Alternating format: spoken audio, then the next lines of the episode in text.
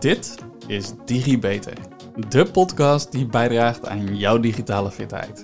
In deze podcast ga ik, Julian Rijmakers, al dan niet met gasten, in op zaken die bijdragen aan jouw e-vaardigheid en e-vakmanschap. Hey allemaal en welkom bij weer een nieuwe DigiBeter. We zijn nog altijd bezig met een deep dive in de technieken die onze wereld kunnen gaan veranderen. Waarbij de eerste techniek waarover we het gehad hebben laatst de AI was. En die heb ik in de voorgaande eh, podcast dus verder uitgediept. Met onder andere door het te hebben over de neurale netwerken, de machine learning on the edge. En we hebben het afgelopen keer ook gehad over de geavanceerde robotica. En die geavanceerde robots die komen ook steeds meer onze huizen en onze kantoren binnen.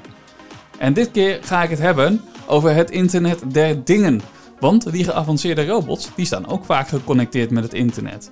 En het is een ontwikkeling die natuurlijk al vele jaren gaande is. En waar steeds meer van ons daardoor mee, daarmee in aanraking komen.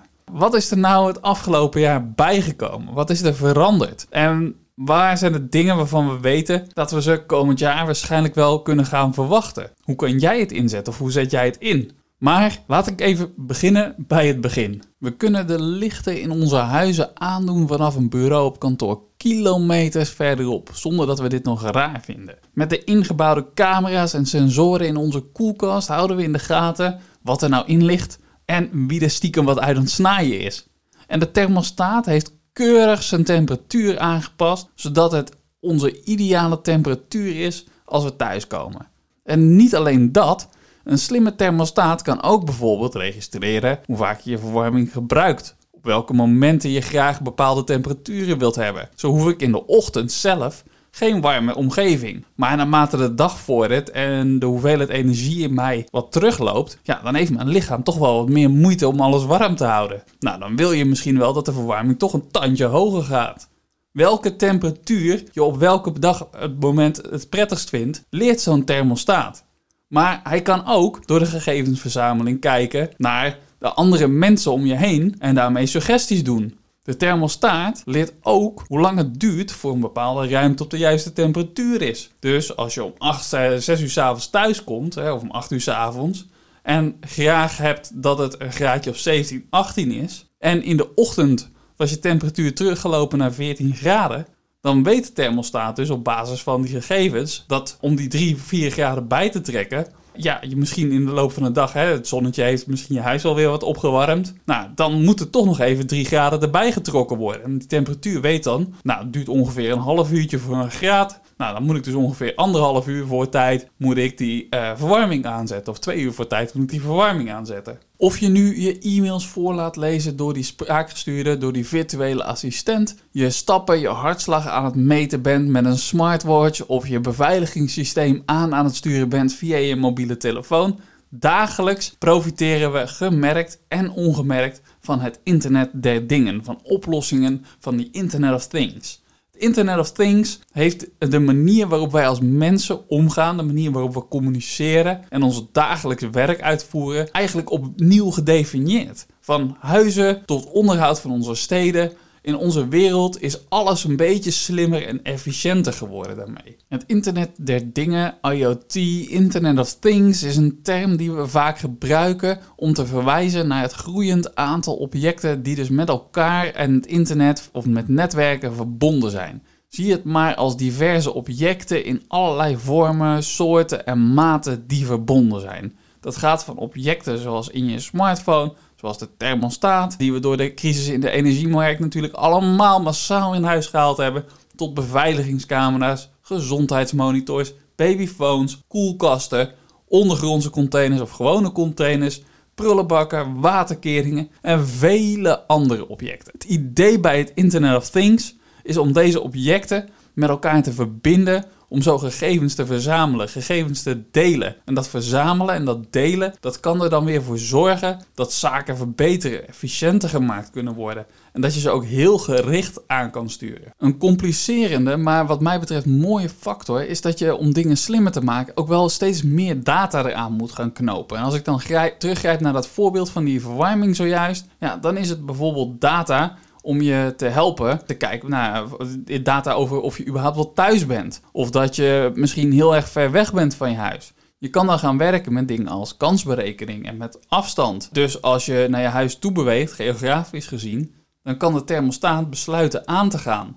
Maar ben je meer dan 100 kilometer van je huis af, ja, is het dan nog wel logisch om aan te gaan en ja, te gaan verwarmen?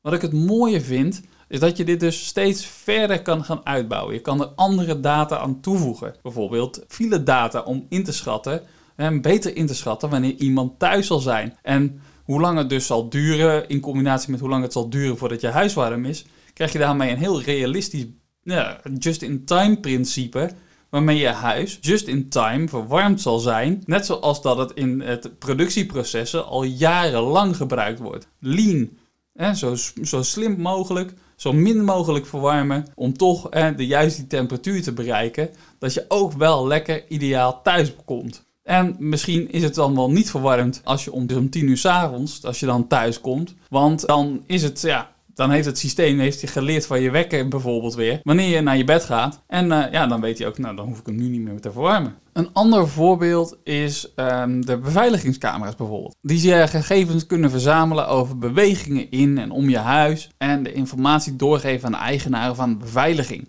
Je kan er patronen in ontdekken wanneer er bijvoorbeeld regelmatig beweging is en wanneer normaal niet. Als de bewegingen zijn op onverwachte momenten, zoals wanneer je de normaliter niets beweegt, zoals midden in de nacht, of wanneer je niet thuis bent als eigenaar, dan kan het dan op dat moment de beveiliging uh, ja, kan het doorsturen om te checken of er bijvoorbeeld actie gewenst is. Ook hier hoor je weer dat er meerdere gegevens dan gecombineerd worden om een bepaalde actie te realiseren. En deze stappen zijn nog lang niet altijd genomen, maar kunnen naarmate dat de vraag hiernaar vordert en dat de vraag toeneemt en het besef hiervan, van alle mogelijkheden, wel snel tot stand gebracht worden. Nou, dat waren een paar kleine voorbeelden van hoe je IoT dus in zou kunnen zetten om de kwaliteit van je leven of processen te optimaliseren. En ik kom straks nog wel op wat meer voorbeelden voor uit en voor thuis, voor je onderneming. Dit waren een paar, kleine dingetjes om even warm te draaien. Ehm, dus ja, een manier waarop je je gezondheid van mensen bijvoorbeeld kan monitoren bij het onderhoud van je huis, van je tuin. Maar voor ik daarop verder wil gaan, wil ik graag eerst even toch terugkijken in de geschiedenis. En ja, ik vind geschiedenis natuurlijk sowieso leuk, maar ja, ook hier weer, het, ja, je staat er misschien niet bij stil, maar IoT begon al ergens in de jaren 80 en 90, hoewel het nu pas een beetje mainstream aan het worden is. In de jaren 80 waren er namelijk al ideeën met een Coca-Cola-automaat aan de Carnegie Mellon University. Dat was zelfs nog voordat ons huidige moderne internet er dus was. De automaat die, uh, ja, was, op uh, was in staat om via een netwerk dan zijn status te rapporteren. En zoals veel uitvindingen was dit een uitvinding die werd geboren uit nou ja, enige vorm van noodzaak. Waarbij David Nichols, die afgestudeerd was aan de computerwetenschapsafdeling van de Carnegie Mellon University, heel uh, hij dronk graag frisdrank. Maar zijn kantoor dat was relatief ver van die automaat.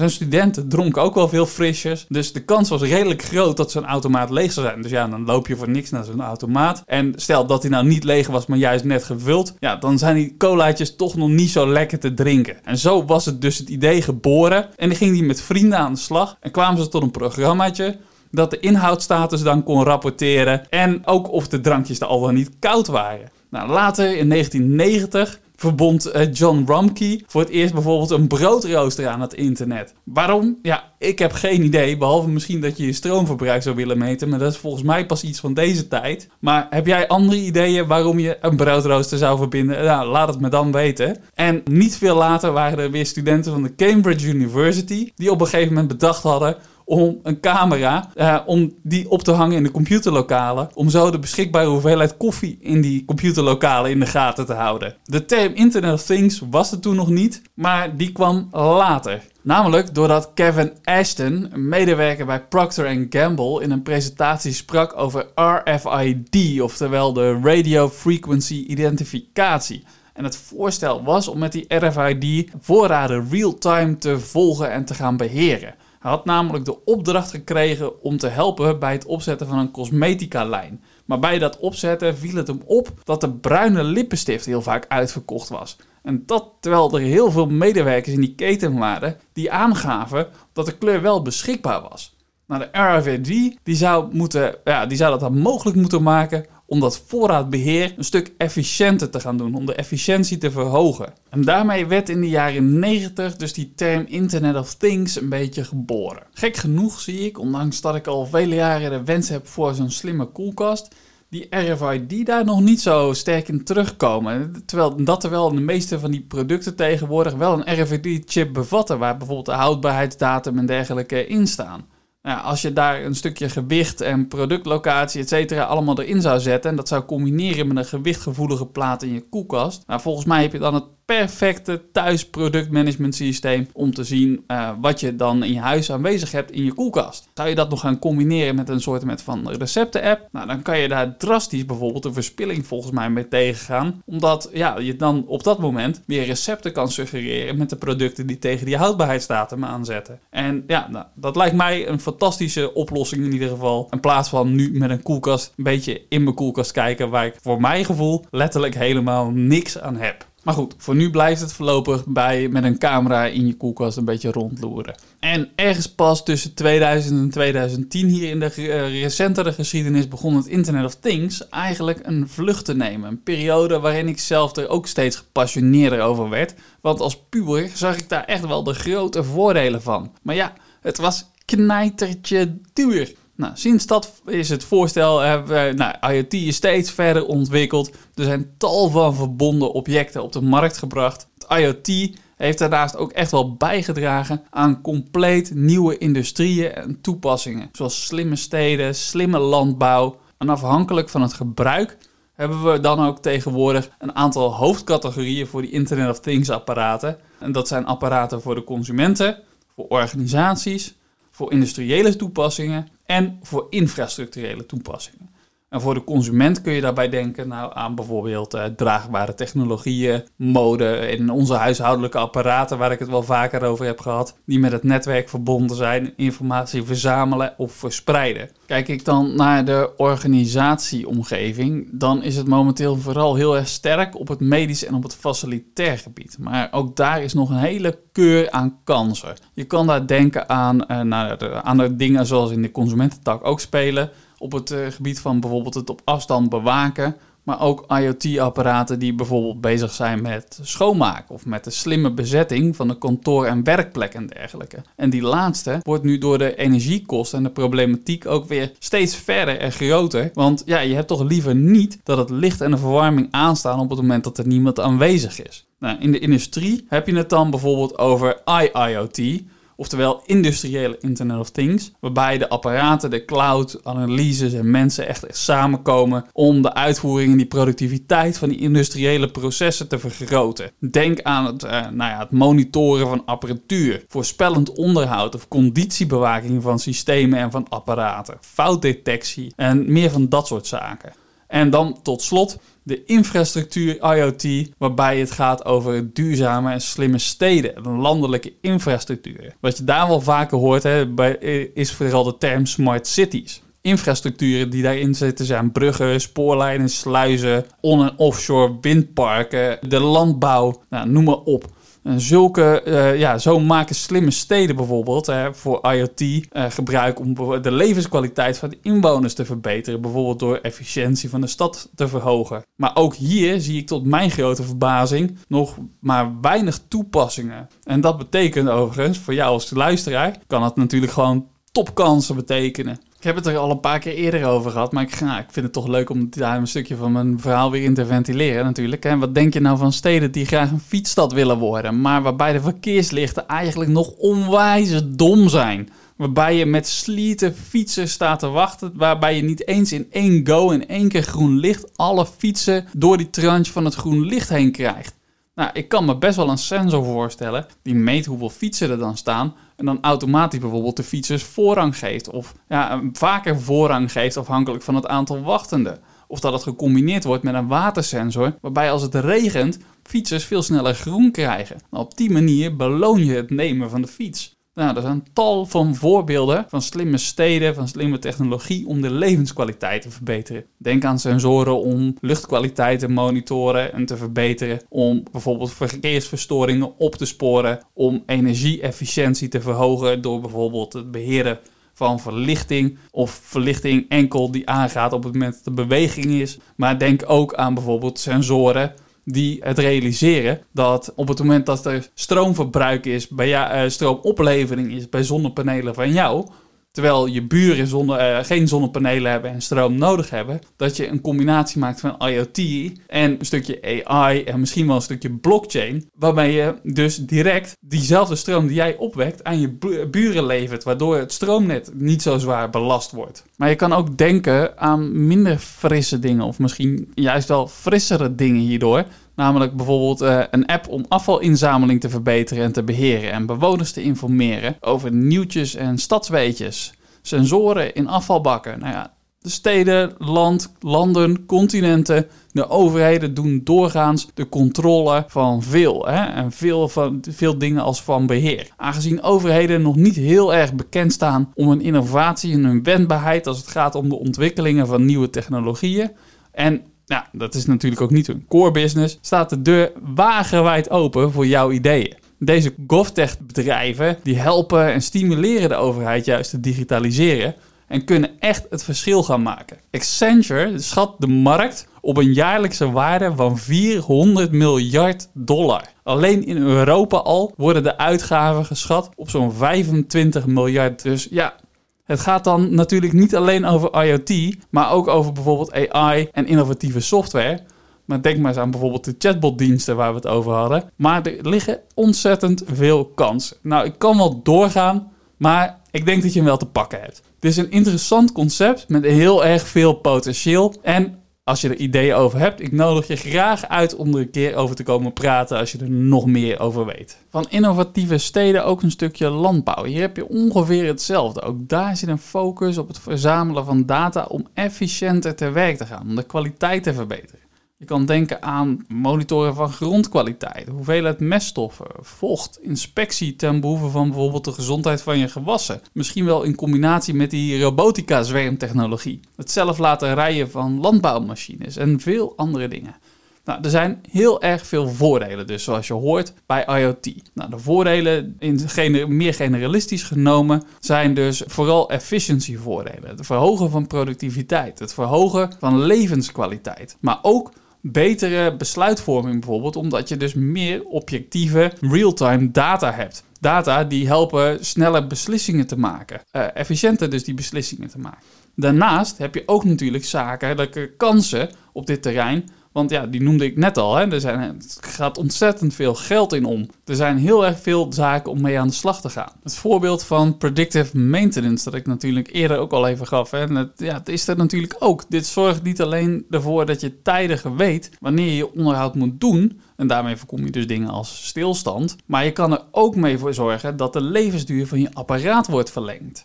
dus we hebben het nu over steeds meer uh, recyclen, onze apparaten veel langer gebruiken. Nou, zet dit in, dan kunnen we bijvoorbeeld sneller onderhoud doen, gerichter onderhoud doen. En dan kan dus je apparaat ook weer langer meegaan. Dat is natuurlijk wel mits je het zelf in elkaar kan, uit elkaar kan halen en weer in elkaar kan zetten. En in bijvoorbeeld die, slimme steden, de gebouwen, maar waar je ook hè, bijvoorbeeld hè, kan kijken naar de, uh, ja, je, je, levenskwaliteit in huis, waar ik het eerder over had. Luchtkwaliteit, veiligheid, ook zorgen dat je op meer plaatsen tegelijkertijd je monitoring kan inrichten en kan beheren. En dat maakt zaken als gebouwbeheer ook een stuk goedkoper, omdat je minder tijd en middelen nodig hebt om mensen bijvoorbeeld hè, on-site die bezoeken af te laten leggen. En je kan het natuurlijk ook inzetten om je klanttevredenheid te verhogen, de veiligheid te verbeteren met bijvoorbeeld die camera's, logistieke processen te verbeteren. Denk maar eens aan het voorbeeld van die RFID-chips, het verbeteren van gezondheid en milieu. Maar waar er voordelen zijn, zijn er uiteraard ook nadelen en bezwaren. En een van de grootste bezwaren is wel de beveiliging. Het zijn allemaal met het internet verbonden objecten die data versturen. En dit soort objecten zijn dus kwetsbaar voor cyberaanvallen. Informatiebeveiliging is dus een van de belangrijke zaken eh, om daar te bekijken. En informatiebeveiligers, CISO's, zijn dus ook een van de belangrijke partijen om, als je hier in je organisatie mee aan de slag gaat, om die te betrekken. Zijn uh, apparaten wel veilig? Hoe houd ik ze veilig? En als ik het heb over beveiliging, nou, dan raakt het vaak ook direct aan privacy. Dus misschien heb je je privacy officer ook wel nodig. Omdat we, we hebben het wel over bijvoorbeeld data en beelden van camera's. Als je de, bijvoorbeeld aanwezigheid gaat bekijken, dan mag dat wel. En dat maakt ook dat er regelmatig en niet per se, niet onterecht, zorgen zijn rondom de privacy als het gaat over het Internet of Things. Het is daarom ook echt wel belangrijk als je met een dergelijk systeem aan de slag gaat, dit goed te kunnen verantwoorden. Te kunnen toetsen met een privacy officer wanneer er raakvlakken zijn met bijvoorbeeld persoonsgerelateerde data. Je mag niet zomaar een camera laten filmen of een opname laten bewaren of een opname bewaren van openbare locaties. Sterker nog, je mag niet zomaar op openbare locaties filmen. Dan is het technologie, daar gaan logischerwijs dus ook kosten mee gepaard. Het implementeren van IoT om je leven, je werk, je processen en dergelijke te verbeteren.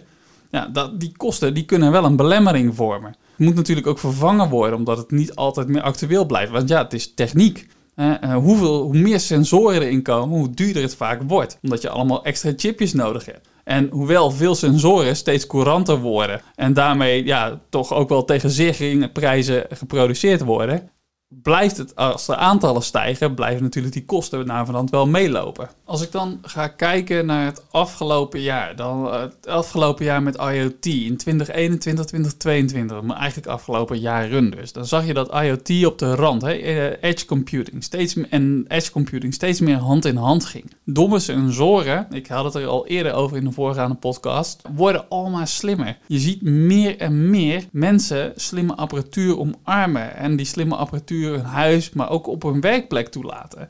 De slimme kantoren maakten door corona al een enorme opmars hè, met werkplekcheckers en dergelijke. En nu met die energieproblematiek krijgt dat nog een extra boost. Want ja, je wil natuurlijk die energie wil je op een juiste manier regelen. En je merkt dat in veel kantoren het dus een onderwerp van gesprek is. Nou, als ik kijk naar dit jaar, het is echt een no-brainer om te zeggen dat de groei van het aantal slimme sensoren, waarbij edge computing wordt toegepast, door zal gaan zetten. Vanwege ook onder andere de eerder benoemde, eh, voorgaande podcast benoemde voordelen, met onder andere het machine learning on the edge, zoals bijvoorbeeld rondom de privacy. In de vorige podcast had ik het ook al over de robotica. Slimme fabrieken en logistieke installaties worden steeds meer, steeds verder geautomatiseerd. Nou, dat gebeurde de afgelopen jaren al, maar het zal hier zeker niet gaan stoppen. Nou, en ik verwacht ook dat draagbare apparaten, zoals augmented reality brillen en virtual reality brillen, in toenemende mate ingezet zullen gaan worden in processen voor zaken zoals training, maar ook voor het onderhoud van apparatuur. Het simuleren van processen via bijvoorbeeld digital twinning, waar ik het over had in um, ik meen podcast 21. Ehm, ja, daarmee krijg je een soort met versmelting met een soort met van metaverse beleving. IoT-sensoren maken het namelijk mogelijk om steeds realistischer uh, die digitale tweelingen te bouwen. En van heel veel verschillende systemen dat ook te maken. Nou, dat loopt van bijvoorbeeld winkelcentra tot productiefaciliteiten, tot je IT-landschap, waar je digitaal over de digitale snelweg tussen je hard en je software kan lopen.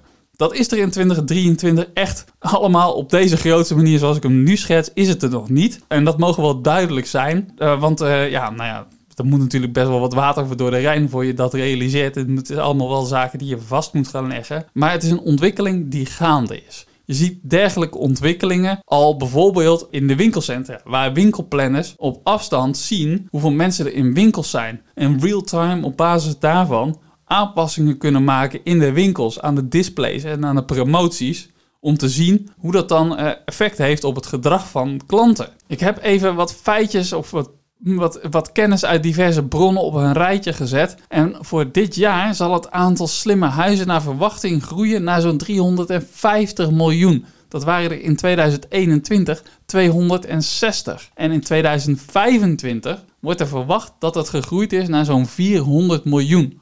En zijn, ja, de dergelijke groei zie je ook terug in de zorg, in de industrie, in de energie, in de bouw, in de landbouw en in smart cities.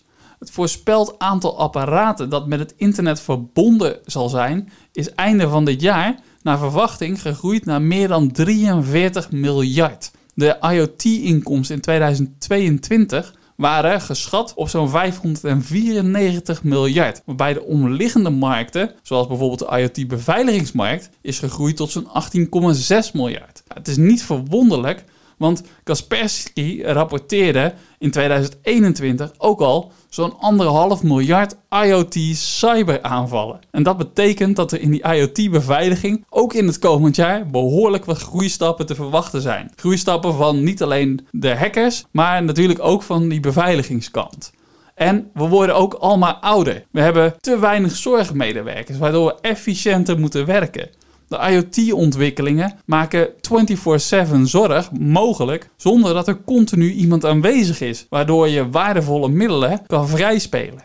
Ik verwacht dan ook dat we het komend jaar steeds meer vertrouwd zullen gaan raken met dingen als virtuele ziekenhuisafdelingen, waar je dankzij sensoren en telegeneeskunde steeds meer toezicht op afstand kan houden. Maar ook aan de consumentenkant zullen gezondheidsapparaten meer en meer van de markt gaan veroveren. Denk maar eens aan bijvoorbeeld het Neuralink, waar onze grote vriend Elon Musk mee aan het spelen is. Of de elektronische pleister, die zweet, temperatuur, glucose en dergelijke kan gaan meten. Nou, dergelijke technieken kun je dan vervolgens ook wel weer gaan verwachten in smartwatches. Um, nou ja, en natuurlijk wat er komend jaar ook aankomt en wat ik absoluut even niet moet vergeten voor het einde van deze aflevering, dat is natuurlijk de Europese wetgeving rondom deze slimme apparaten.